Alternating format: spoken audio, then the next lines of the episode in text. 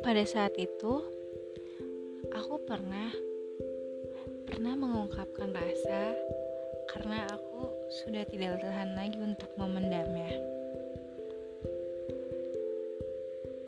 Di situ aku ngerasa seperti gengsi, tapi aku sudah menurunkannya. Aku gak ngerti lagi sama perasaan aku. Di saat itu aku juga bingung. Aku tidak mau mengungkapkan rasa itu, tapi kalau misalnya aku nggak ngungkapin perasaanku ke dia nggak karuan. Ya udah, aku langsung aja mengungkapkannya ke dia. Aku bilang ke dia kalau aku sayang sama dia. Dan kalian tahu apa kata dia? Dia nggak percaya sama aku. Dia nggak percaya kalau aku sayang sama dia.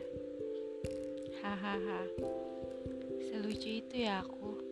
Sampai dia nggak percaya sama aku. Kalau aku sayang sama dia. Padahal dari tingkah laku aku kelihatan sekali.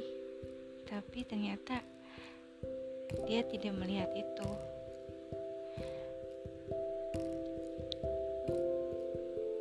aku takut bukannya uh, balasan tentang perasaanku ke dia.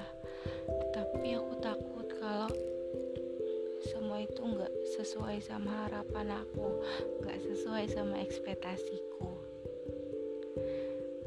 Omongan dia yang terlalu realistis membuat aku sakit hati dia nggak pernah ngomong kalau dia nggak sayang sama aku. Dia cuma ngomong kalau dia nggak pantas buat aku. Udah itu. Aku nggak tahu kenapa dia ngomong kayak gitu. Dan aku tahu dia orangnya terlalu insecure. Dan dia juga ngajarin aku kalau perasaan itu dengan pemiliknya.